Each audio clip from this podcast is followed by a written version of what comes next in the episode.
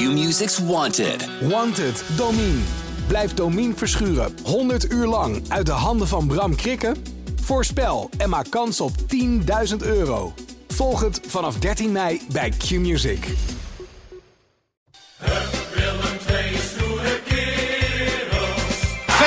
Scoort.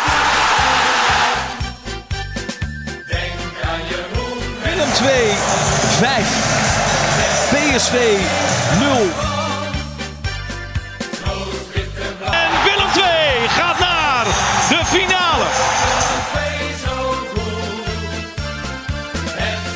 Heeft na 33 van de 34 speeldagen de Champions League bereikt.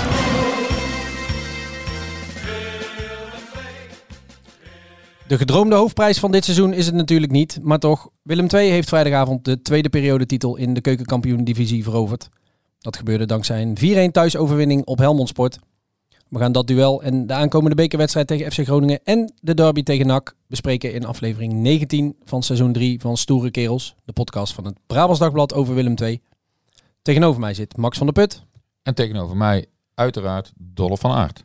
Ja, het is niet het ultieme doel van dit seizoen, een periodetitel, maar toch was het een eh, aardig feestje vrijdag. Ja, leuk. Eh, ook wel mooi dat dat eh, ook goed gevierd werd. Eh, alhoewel Schout ook na afloop tegen mij zei van de knop gaat heel snel weer om.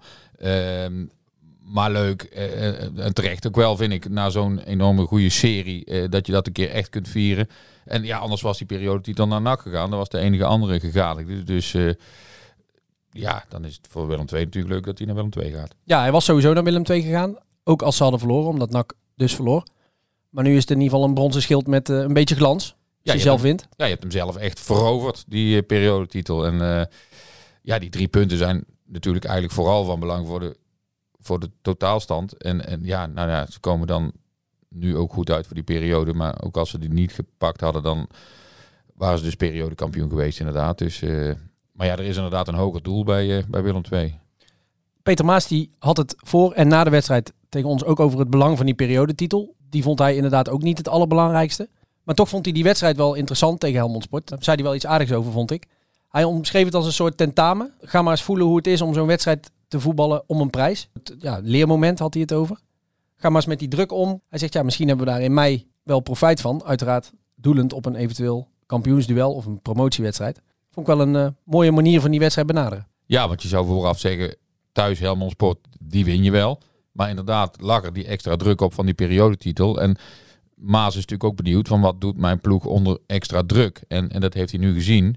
En dan moet ik zeggen, de eerste helft viel mij eh, zeker niet mee. Nee. Eh, ik hoop dat het dan daaraan lag, aan die extra druk. Maar ja, uiteindelijk kwam het toch op zijn Willem II gewoon weer goed. Ja, daar komen we zo op terug. Ik wil eerst nog even één andere term erin gooien. Eh, Peter Maas heeft natuurlijk eerder tegen ons al konijnenpoot en de woestijnzandtheorie en maturiteit. Woorden en uitdrukkingen waar wij nog nooit van hadden gehoord, maar die gooide hij erin. Had dit keer had hij money time. Was dat een term die bij jou al bekend was? Ja, die heb ik wel eens gehoord bij Amerikaanse sporten inderdaad. En, en dan, hè, dan gaat het over de fases in wedstrijden waarin het echt moet gebeuren.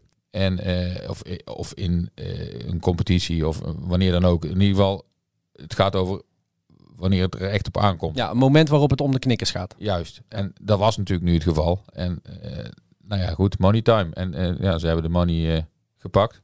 En het bronzen schild dus, ticket voor de play-offs. Inderdaad, money, eurotje of eh 74.000.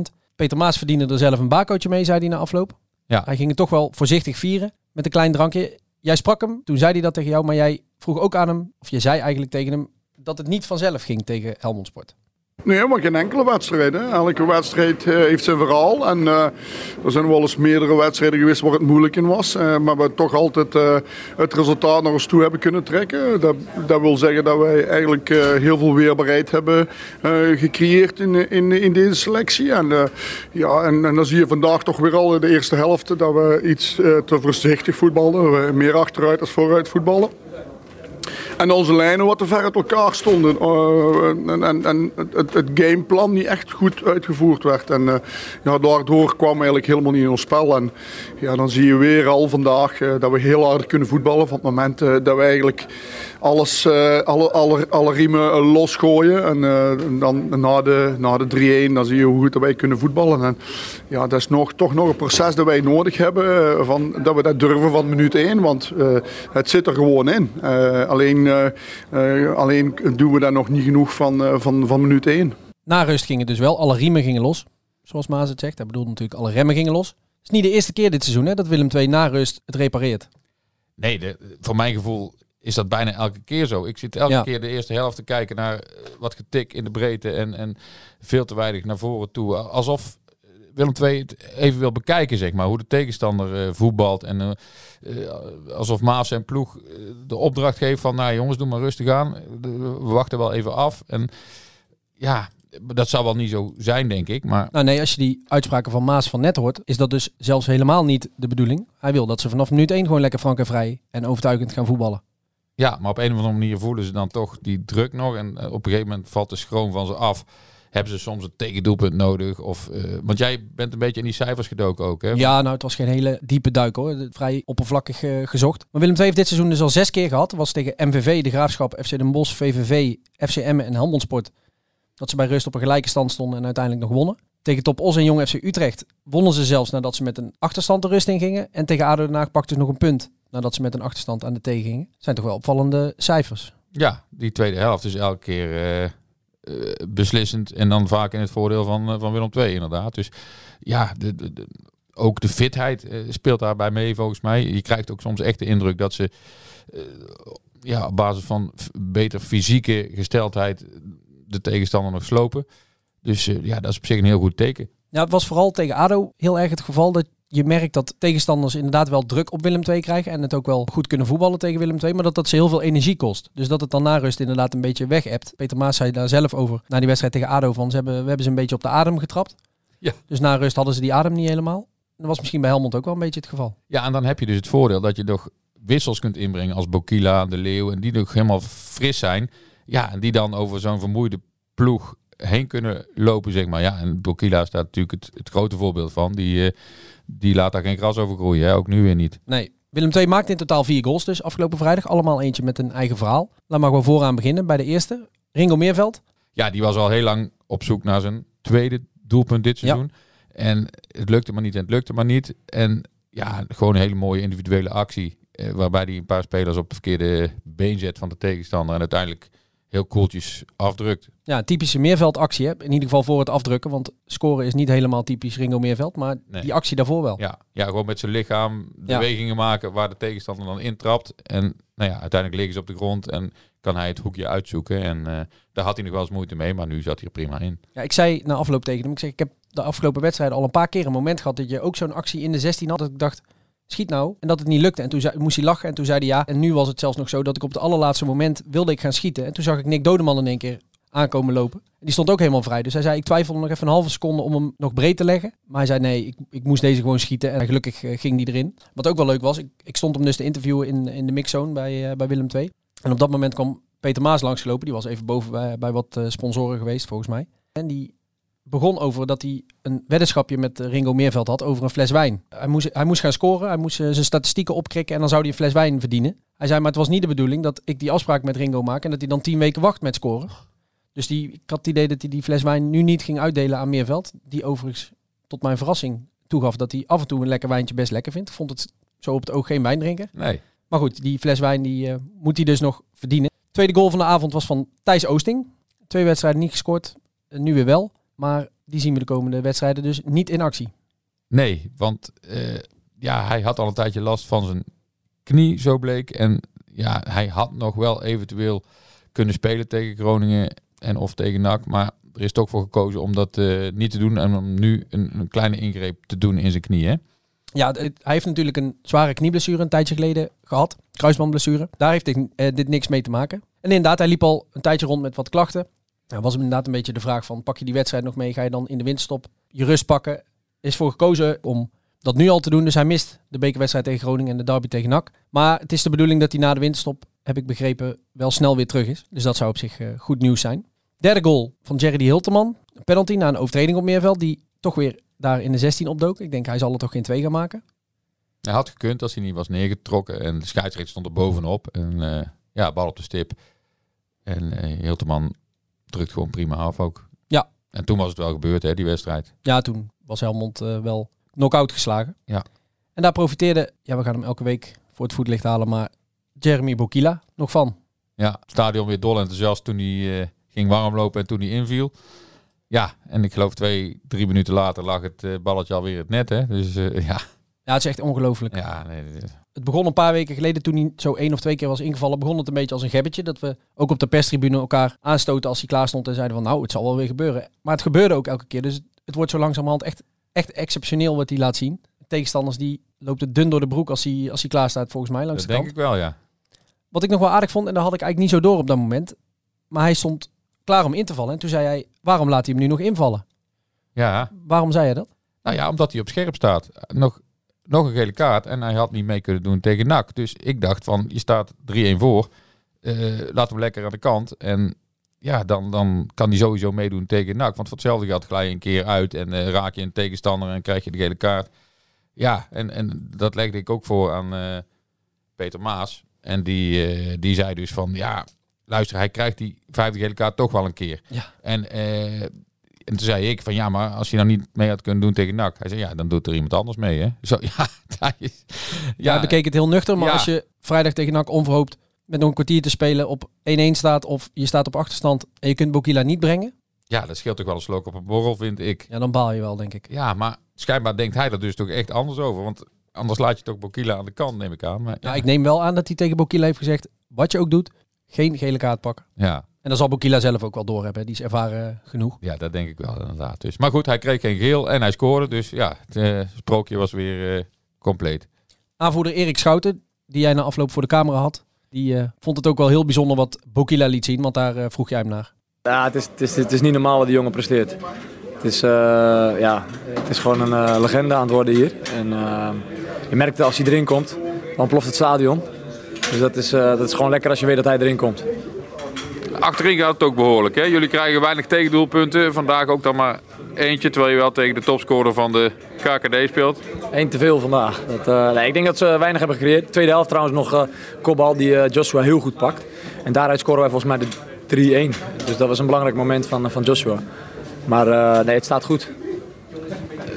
Hoe ga je die periodetitel vieren? Is dat heel kort en krachtig? Of, of... Ik denk dat jij het meeste gezien hebt net op het veld. Ik denk dat het hier, eh, hierbij laten. Want er is een groter doel.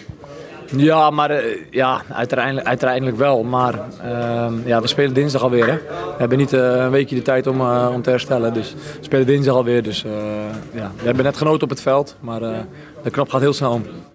Wel mooi dat hij die redding van Joshua Smits even benoemt. Zo, ja. Dat deed eh, Peter Maas na afloop ook. Ik zei van ja, wie vond jij nou de uitblinker? Toen zei hij ja, kunt makkelijk wijzen naar degene van de goals of de assist. Maar zei die redding van Joshua Smits op 2-1, die hij uit de kruising tikt, of in ieder geval uit de bovenhoek. Dat was het kantelmoment. Vlak daarna viel ook die 3-1. Toen zei hij toen hadden we hem binnen. Ja. Extra credits naar Joshua Smits, die inderdaad gewoon een heel seizoen, eh, heel goed seizoen keept. Hè? Ja, hij heeft één of twee foutjes, aanwijsbare fouten gemaakt. Maar ja, dat doet, el- heeft elke keeper wel. Ja, verder heeft hij af en toe dit soort reddingen. Ja, en dan eh, pak je echt punten voor je, voor je team. Kijk, ik weet niet of Willem II anders dan alsnog had gewonnen. Maar dan was het 2-2 geweest. En dan hadden ze weer opnieuw moeten beginnen. En nu eh, konden ze de flow die ze net te pakken hadden, konden ze doorzetten. En ja, hup, de 3-1 viel en het was klaar. Dus eh, ja, Ja. dat zijn ook van die momentjes in het seizoen dat het dan weer net even goed valt. Hè? Wij hadden het al vaker gehad over doelpunten die dan net op het goede moment vallen. Of een balletje op de paal of een balletje binnenkant paal. En dit was ook zo'n moment. Ja, het is, daar hadden we het vorige week ook over. Elke keer is het weer iemand anders die weer iets doet waardoor het de goede kant op valt. Hè. De ene keer is het Bokila en dan is het eh, Meerveld en dan is het de keeper. En dan, ja, zo, zo heb je zoveel spelers zonder dat er één echte held is. Kijk, Bokila is natuurlijk wel een, de invalheld, zeg maar. Maar ja, verder heb je niet een speler die er met kop en schouders bovenuit steekt. Maar wel elke keer weer één of twee spelers die de hoofdrol voor zich opeisen in een wedstrijd. Ja, Willem II is een beetje een meerkoppig monster. Hè? Dat kun je wel zeggen. En dat, ja, dat is dus heel lastig te bespelen voor, eh, voor de andere ploegen. We noemden de doelpuntenmakers al even. Maar in ieder geval bij drie van de vier goals, eigenlijk bij alle vier wel, vond ik dat er ook wel een bijzonder verhaal schuilde in het voorbereidende werk. Als je de eerste goal van Meerveld bekijkt, die komt eigenlijk omdat Jerry Hilteman de bal van een tegenstander afpakt. Ja, prima. een hele goede tackle. Dat is ook wel een beetje zijn kracht, hè? Jagen. Ja, hij is Storen. echt fysiek ook heel erg bezig. En het komt... Hey, je gaat bij een spits in eerste instantie letten op, op doelpunten en assists. Maar hij verricht zoveel werk. En dan wordt hij beloond doordat hij een bal onderschept, meegeeft en die wordt afgemaakt. Ja, dat moet voor zo'n jongen ook geweldig voelen, denk ik. Misschien wel net zo mooi als dat hij zelf scoort. Jerry die Hilteman kennende vindt hij zelf scoren wel iets fijner. Die leeft wel echt voor goals. Als we het hebben over de tweede goal. Die viel 20 seconden nadat Helmond Sport een corner mocht nemen. Razendsnelle counter. Uitstekend werk van Jesse Bos en uiteindelijk ook een goede voorzet van Nick Dodeman. Ja, dat zag er prima uit. En eh, volgens mij kwam de derde goal ook tot stand vlak na een corner van Ja. eh Helmond Sport. Dus ja, de, degene die Helmond Sport volgt eh, voor het Eindhoven Dagblad, die zei al van Willem II heeft vaker uit de corner van Helmond Sport gescoord dan Helmond Sport zelf dit seizoen. Want er was namelijk één keer van meer dan 100 corners. Ja, dat is natuurlijk wel cru om te moeten constateren dan voor hun. Maar ja, heel goed gedaan van Willem II. balbezit naar de corner van Helmond Sport en dan razendsnel eruit en een prima voorzet. En bij de, er stonden twee spelers, ik weet niet wie die tweede was, bij de, eh, toen Oosting scoorde, maar er stond er nog eentje vrij. Dat weet ik zo ook even niet. Nee, ik maar- denk Hilteman. Ja, volgens mij wel. En, eh, maar goed, ja, het kon bijna niet anders dan dat dan een doelpunt werd. Dus eh, ja, hartstikke goed. Ja, die derde goal dus inderdaad ook uit de corner. Die bespraken we net al even. Overtreding op Meerveld, penalty Hilteman. En die vierde goal, die paas van Matthias Verret op Bokila. Oh, prachtig. Ja. ja, als dat in de Eredivisie was gebeurd, dan was die eh, nog talloze keren herhaald, denk ik, in allerlei programma's. Maar eh, ja, perfect. En eh, ja, ook mooi voor zo'n jongen natuurlijk, dat hij op die manier bijdraagt aan het feestje. Absoluut. Iemand die ook bijdroeg aan het feestje, zei het iets minder, want hij mocht kort invallen. Dani Mathieu, veel geblesseerd geweest. Dat blijft ook een beetje een apart verhaal. Hè? We we horen al, ik denk al twee jaar, van iedereen bij Willem II van nou, ze zien het echt in hem zitten. En die jongen die kan echt heel goed voetballen. En dat kan wel eens een, eh, een hele goede speler voor Willem II worden. Maar het komt er nu niet uit, omdat we hem dus elke keer niet zien, omdat hij niet fit is. Nee, de man van glas zou je bijna denken. Hè? Want hij heeft, dan heeft hij weer dit en dan heeft hij weer dat. En dat is ja, vooral voor de jongen zelf heel vervelend. Maar ja, wij zien hem inderdaad ook niet zo vaak daardoor. En je ook niet echt... In ieder geval niet in het eerste, nee. Nee, Bij onder 21 heeft hij inmiddels wel alweer een paar minuten gemaakt. ja. Maar ja, ik hoop voor hem dat, eh, dat hij nou een tijdje fit blijft. En dat hij wat speelminuten eh, krijgt. En eh, ja, dan, dat, is sowieso leuk toch? Een Tilburger bij Willem II. Eerste seizoen zelf zit er daarmee op. Wij gaan zo meteen ook vooruitblikken in plaats van terugblikken. Nog één ding waar we het over moeten hebben, wat mij betreft. En dat, ja, dat blijf ik heel aardig vinden. En Volgens mij hebben we het al vaker over gehad. Maar dat Peter Maas een week of vijf, zes geleden heel specifiek tegen ons zei... Ik wil halverwege de competitie op 42 punten, of sorry, op 40 punten staan. Het zijn er 42 geworden. Maar hij had het over een beloning voor spelers. Hij zei, we mikken op 40 punten. Volgens mij stonden ze toen dus op 29. Met nog een wedstrijd op 50 aan. Toen zei hij, het zijn allemaal lastige wedstrijden. Als we daar 11 punten uithalen, dan doen we het prima. Dan staan we halverwege de competitie op 40 punten. Nu zijn het er 42 geworden. Dat noemde hij fantastisch. En de spelers zijn twee dagen extra vrij nu, hè? Ja, anders zouden ze 2 januari weer moeten beginnen volgens mij. En nu is dat 4 januari geworden. Dat is toch leuk, denk ik, voor die spelers ook. Eh, er is iets in het vooruitzicht gesteld en dat hebben ze ook echt verdiend. eh, door te presteren. Dus eh, ik denk alleen maar dat, dat, dat het goed is. Je zou kunnen denken van ja, dan trainen ze twee dagen minder lang. Maar ik denk vooral dat dit voor de sfeer in de groep ook heel erg goed is. En Ja, denk misschien zijn er luisteraars die denken, ja, maar er is nog een wedstrijd tegen NAC toch? En, maar dat is alweer de eerste eh, wedstrijd van de terugronde. Hè? Dus ze Ja. hebben nu alle tegenstanders één keer gehad. Ja, precies op de helft van de competitie. en na daardoor 19 van de 38 wedstrijden. Ja, Ja, daar doelde Maas ook ja op. goede hè? toevoeging. Ja, dus ehm, ja, dat is misschien een mooi moment om, eh, om te gaan vooruitblikken nu. En dan zijn we nu aangekomen bij de rubriek Deze week in derde jaar. Welk jaar? Dat vertelt Dolf of Max wel. Ja, Max, ja, ik zei vooruitblikken, nog heel even terugblikken, maar dat is ook al een klein beetje vooruitblikken. En ik zie jou een beetje kijken met een heel groot vraagteken boven je hoofd. Ik heb als een dolle lopen zoeken in eh, het jubileumboek van Willem II naar een eh, Willem II NAC of NAC Willem II in deze week van het jaar, zeg maar. Ik heb hem niet kunnen vinden. Uh, nou, die wedstrijd, volgens mij de laatste wedstrijd van Kevin Hofland, die was ook in december, toch? Ja, maar niet dan in deze week, nee. volgens mij. Dus ja, helaas. Ehm, maar goed, ik vond wel een Groningen Willem II in 2000. 3. En Willem 2 speelt natuurlijk nu een bekerwedstrijd tegen Groningen. En dan wel in eigen huis. Eh, en toen wonnen ze. 21 december 2003. Uh, 1, 2. Ja, ik kan jou gaan vragen wie maakte allebei de doelpunt. Het was wel een spits, een Belg. Ehm, in 2003? Ja, een beetje een slungelachtige... Bart van de Ede? Ja, ja, ja, ja heel goed. Kijk. Ja, luisteraars, we hebben niks voorbereid, dus het Nee. is echt Dolf uit zijn blote hoofd. Ik ken de hele carrière van Bart van der Ede uit mijn hoofd. Dus dat eh, was een inkoppertje van mij. Nee, is gekkigheid. Ja, die maakte toen allebei. Maar dat was in Groningen. Dat was in Groningen, dus een knappe overwinning met, eh, met 1-2. Bij Willem II onder meer eh Matthijssen, Landzaat, Van Mosselveld, eh Kaluwe. nou ja, de Kruik ook, de vlieger in het, op doel. Dus nou ja, dat... eh 2003, 20 jaar geleden jongens, potverdimmen. Ja. Tijd gaat snel. ja, dan is het even vooruitkijken naar dinsdagavond thuis tegen Groningen voor de beker. Ja, wat, Ja. wat moet je met die wedstrijd? Hè? Want ja, je staat er nou ontzettend goed voor. Acht punten voor op de nummer drie. En de eerste twee gaan eh, rechtstreeks naar de eredivisie. Je zou zeggen, ja, alle pijlen richten op eh, directe promotie. En dan is het bekertoernooi een hinderlijke onderbreking. Eh, hoe denkt Peter Maas daarover, denk jij? Die sprak ik natuurlijk net. Het is nu maandagmiddag. In aanloop naar die bekerwedstrijd. En ik vroeg hem ook van nou, hoe belangrijk vind je het? Heel belangrijk, want ze willen elke wedstrijd winnen. Ze willen in die flow blijven. Maar ja, ik kan me niet voorstellen dat je die wedstrijd... En dat blijkt ook wel uit de vermoedelijke opstelling. Maar ik kan me niet voorstellen dat je die wedstrijd net zo serieus neemt als de competitie. Want dat is natuurlijk het, heilige doel. En je zult het jezelf niet vergeven als er allemaal basisspelers met kleine pijntjes spelen tegen FC Groningen en nog geblesseerd raken en eh NAC moeten missen. Eh, maar maar gelijk even, kijk jou vragend aan, de vermoedelijke opstelling er even bij te pakken. Hij gaat er toch een paar wijzigen, een paar plekken.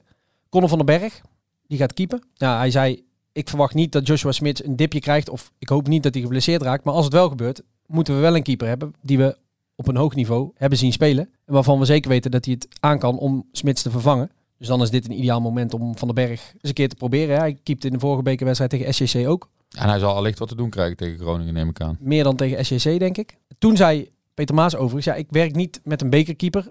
Conor van den Berg keept nu. En volgende wedstrijd zien we wel weer. Maar goed, de situatie vraagt er nu ook wel om om Van den Berg te laten spelen, toch? Ja, precies. En eh, hè, zo zijn er nog meer eh, wisselingen in, eh, in de basis. Ja, Santiago en Behoenek blijven achterin staan. Ik sluit niet uit dat een van de twee of misschien wel allebei wel iets eerder gewisseld gaan worden. Freek Heerkens komt erin voor Erik Schouten. Niels van Berkel gaat linksback spelen. Uh, Lachkar komt er op het middenveld bij voor Ringo Meerveld. Ja, die was vrijdag al niet helemaal fit. Was een twijfelgeval. Die speelde uiteindelijk wel. Maar dan moesten ze in de warming-up mee bekijken hoe het, eh, hoe het met hem was. Ja, zei Maas, die wil ik gewoon tegen NAC op volle sterkte hebben. En daarna mag hij lekker eh, een tijdje rust pakken. Ja, geen maar risico's die wedstrijd tegen. Groningen die Ja. gaat hij mooi, eh, mooi overslaan. Oosting is er dus niet bij. Daar gaat Max Svensson voor spelen. Dus die gaat een beetje om Hilteman heen spelen. Daarover zei Peter Maas... ik, ik heb eens in de archieven gekeken. Wat oude beelden teruggekeken. Van heeft hij wel eens een beetje in die rol gespeeld om een spits heen? Nou, hij zei hij heeft wel eens op 10 gespeeld. Maar dat was dan vaak achter één spits. Maar hij had beelden gevonden van de tijd in Zweden van Max Svensson. En daar heeft hij wel een keer zeg maar, om een diepe spits heen gespeeld. Dus heeft hij al laten zien. Dat kan niet. Ja. Dus ik ben Ja, heel ja. benieuwd. Max Svensson is ook een van die spelers die wel eens een wedstrijd beslist. Hè? En die, die dat soort momenten kan hebben. Dus ja, al die wisselingen die jij nou noemt, het zijn, daar word je niet per se heel veel slechter van volgens mij. Alleen ja, met Meerveld, ja, heb je natuurlijk wel een, een unieke speler qua, qua creativiteit en dat soort dingen. En dat is de vraag of dat er dan nog uitkomt. Maar de vraag is ook of je tegen FC Groningen ehm, misschien meer behoefte hebt aan fysieke kracht bijvoorbeeld. Of- Ja. Dus het hoeft ook niet per se negatief te zijn voor Willem II, denk ik. fysieke kracht. Grappig dat je dat noemt. Want de laatste speler die gaat spelen is Galet Razak. Niet de meest fysieke speler. Hij vervangt Nick Dodeman ook niet de meest fysieke speler. Nee. Voor Nick Dodeman geldt een beetje hetzelfde als voor eh, Meerveld. Kan drie wedstrijden in een week net niet aan. Willen ze vrijdag tegen NAC op eh, volle, hoe zeg je dat, op volle st- eh, sterkte. sterkte hebben. Maar we, hartstikke leuk toch, Razak? Dat we die eindelijk een keer vanaf het begin zien. Extra reden om eh, die wedstrijd te komen bekijken, denk ik, voor de mensen. Zoals ook het afscheid nemen van Paul Jonk en Wesley Spierings natuurlijk een reden Ja. zou kunnen zijn om, om naar het stadion te komen. Maar ja, die Razak, ja, jongen, veelbelovende speler. Hè? Ja, we, we horen er heel veel positieve verhalen over. Maar Ja, die zien we zelf ook wel toch, in die invalbeurt en op trainingen. Ja, zelfs korte invalbeurten, dan, dan gebeurt er gewoon iets als Ja. hij, eh, als hij op het veld komt. Anders dan bij Bokila, waar ook altijd iets gebeurt als hij eh, invalt. Maar ja, hij eh, weet toch ook wel met acties en met snelheid de aandacht op zich te vestigen. Ja, ik stond bij de afsluitende training net te kijken, partijvorm. Stond hij dus een beetje aan de rechterkant. En wat mij opvalt is dat die jongen, het gaat zo makkelijk. Het ziet er zo makkelijk uit. Hij voetbalt gewoon lekker mee alsof hij al jaren op die training rondloopt. Ook wel een paar opvallende momenten. Maas was wel even in de weer met uh, Amine Lachkar. Die dus op het middenveld gaat spelen voor Meerveld. Die, die trainen niet helemaal top.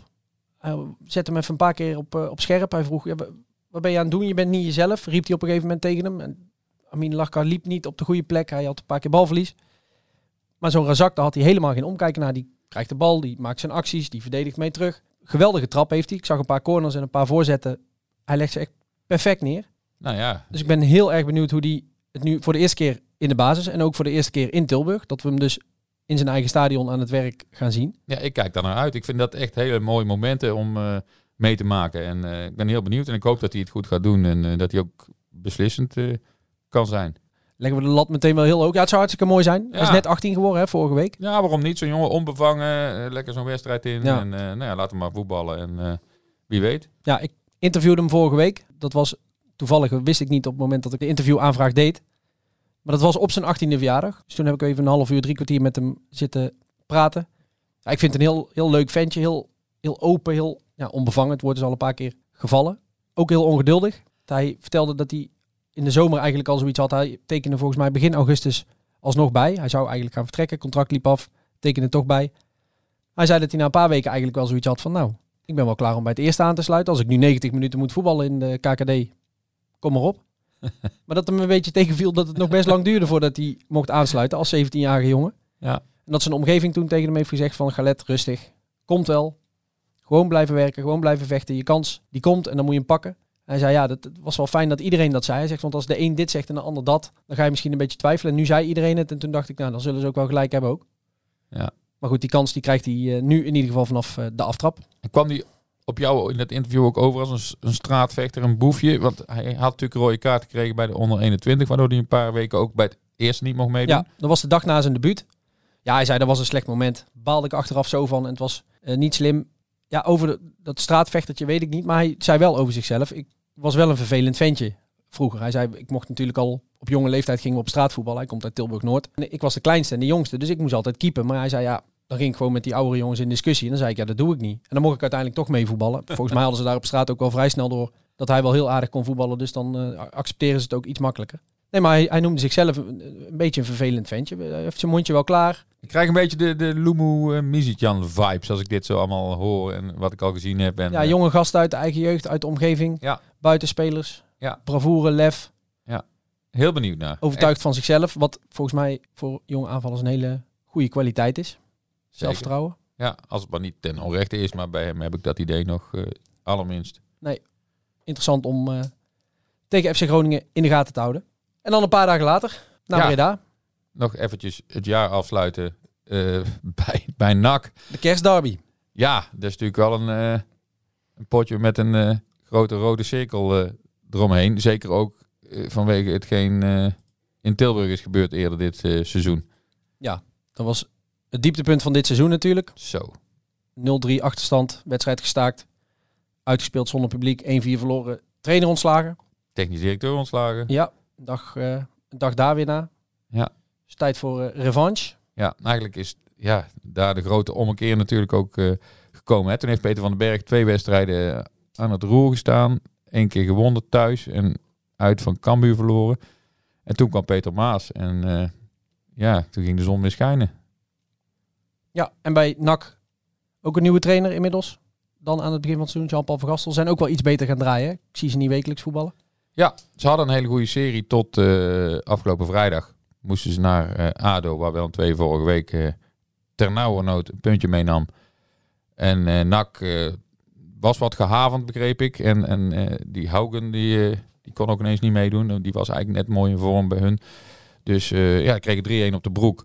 En ze hadden eigenlijk echt de aansluiting kunnen vinden met de bovenste ploegen. Uh, behalve Willem II dan, dat een gaatje heeft geslagen. Maar de rest staat allemaal vrij dicht bij elkaar daaronder. En uh, ja, die aansluiting missen ze nu. En ze zijn volgens mij best bang uh, voor Willem II op dit moment. Dat ze er eigenlijk niet zo klaar voor zijn vanwege al die blessures. En ja, dat ze nou weer een tik krijgen. En dat ze dan voorlopig toch afhaken. Ik denk dat iedere club in de KKD op dit moment niet lekker naar een wedstrijd tegen Willem II toeleeft. Nee, precies dat. En zeker als je dan zelf niet helemaal lekker in je vel steekt en wat blessures hebt, weet dat jongens terug aan het komen zijn, eh, dan speel je natuurlijk liever over een maand pas tegen, tegen Willem II. Maar ja, nu moeten ze. En eh, ja, Willem II moet proberen volgens mij te profiteren van, die, van dat gevoel bij NAC. Dat, die angst die er volgens mij wel is. En, en dat meteen bovenop klappen. Anders dan dus tegen Helmond Sport. Willem II kan in Breda een geweldige kers op de taart zetten. Hè? Als je het jaar zo afsluit, de laatste maanden onder Peter Maas, we zeiden het al. Geweldige cijfers en dan afsluiten met een overwinning in Breda. Ja, In een weekend dat de concurrenten ook allemaal weer lastige wedstrijden hebben. Volgens mij Rode JC, pak het er even bij, uit naar Helmond Sport. Ja, dat is niet makkelijk. ADO Den Haag uit naar Jong AZ. Dat is allemaal overigens pas op zaterdag. Oh. Willem II speelt vrijdag de 22e. Een paar andere wedstrijden zijn op zaterdag Oh, de ja. 23e. er is geen eredivisie meer, dus ze smeren het uit. eh. Ja, de graafschap zie ik te- thuis tegen Jong PSV. Dat is op papier dan iets makkelijker. Eh Emmen moet naar Dordrecht. Cambuur moet naar Den Bosch. Het is bijna elke week wel raak hè, dat concurrenten lastige wedstrijden hebben. Want het is in de KKD allemaal, eh, Ja, kijk, allemaal lastig. sinds Maas is aangetreden heeft Willem II bijna alles gewonnen. En intussen eh, morsten die andere ploegen allemaal punten her en der. En ineens sta je acht punten los van de nummer drie. En ja, het zou echt zonde en vervelend zijn als je af zou sluiten met een nederlaag bij, eh, bij NAC. Maar het zou geen ramp zijn. Zo is het ook niet, vind ik. Is het niet altijd een ramp, beetje? Gevoelsmatig wel. Maar als je naar de feiten kijkt, heb je dan sowieso nog, wat er ook gebeurt dan met die andere wedstrijden, minimaal vijf punten voorsprong op de nummer drie. Nou, als je dat eh, een maand of drie geleden gezegd had, dan, eh, dan had iedereen daar meteen voor getekend, volgens mij. Ja, denk ik ook wel. Dan zijn we er wel hè, voor deze week. Ik denk het ook. Wanneer zijn wij er weer? Laten we zeggen volgende week maandag. Ja, dat is kerst. Oh ja, nou dan Even misschien dinsdag. Ja, live hier in de podcast de planning even doornemen. Maar Ja. dat moeten we misschien iets eerder doen. We houden jullie via X, Twitter, wel eh, op de hoogte van wanneer eh, er weer een aflevering komt. Maar in ieder geval eh één van die dagen. Ja, en daarin gaan we dan dus terugblikken. In ieder geval op de derby tegen NAC. En ook nog een beetje de bekerwedstrijd tegen FC Groningen. Want daar gaan wij eh, morgenavond naartoe. Heel Voor nu eh, bedankt voor het luisteren in ieder geval. En tot de volgende.